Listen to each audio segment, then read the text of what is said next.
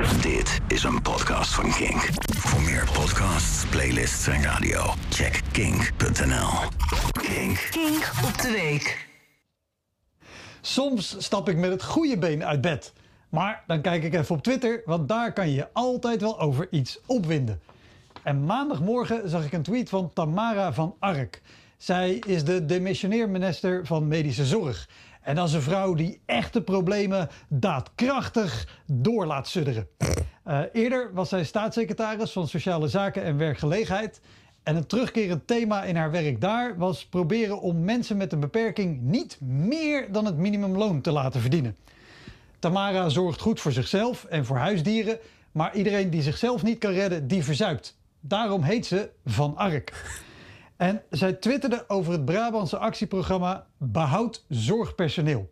De komende vier jaar doen 24 organisaties onderzoek naar hoe ze medewerkers in de zorg kunnen behouden. Vier jaar onderzoek. In die tijd komen er minimaal drie schandalen aan het licht waar Mark Rutte zich niks van kan herinneren. En zorgpersoneel in Brabant behouden is echt niet zo ingewikkeld. Gewoon gratis worstenbroeikes! Concretere ideeën kwamen van John Steur. Dat is een twitteraar met 23 volgers. Dat zijn minder volgers dan er organisaties meedoen aan het onderzoek. En daarom was hij sneller met een goede conclusie. Namelijk een goed salaris, een vast contract, genoeg tijd voor zorgtaken en minder voor verantwoording van minuten. Dan zou je dus mensen laten doen waar ze goed in zijn, namelijk zorg verlenen. En in ruil daarvoor geef je ze zekerheid en een fatsoenlijk salaris. Ja, hallo, dacht Tamara.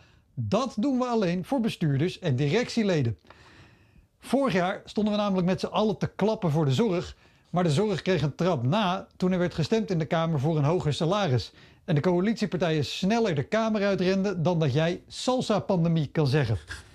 En als de salsa-pandemie straks voorbij is, blijft het in de ziekenhuizen nog lang druk met alle zorg die uitgesteld is.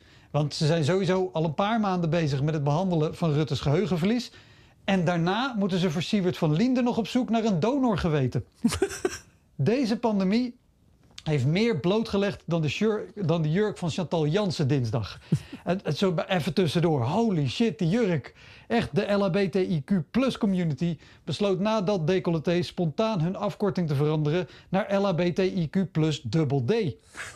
Maar de pandemie liet zien dat jarenlang bezuinigen op de zorg je uiteindelijk meer kost dan dat het oplevert. Het gezegde is niet voor niets. Goedkoop is duurkoop.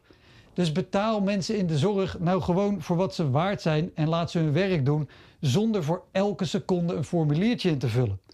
Goede zorg kost geld en je kunt nu eenmaal niet voor een dubbeltje op de eerste hulp. Dit was een podcast van Kink. Voor meer podcasts, playlists en radio, check kink.nl.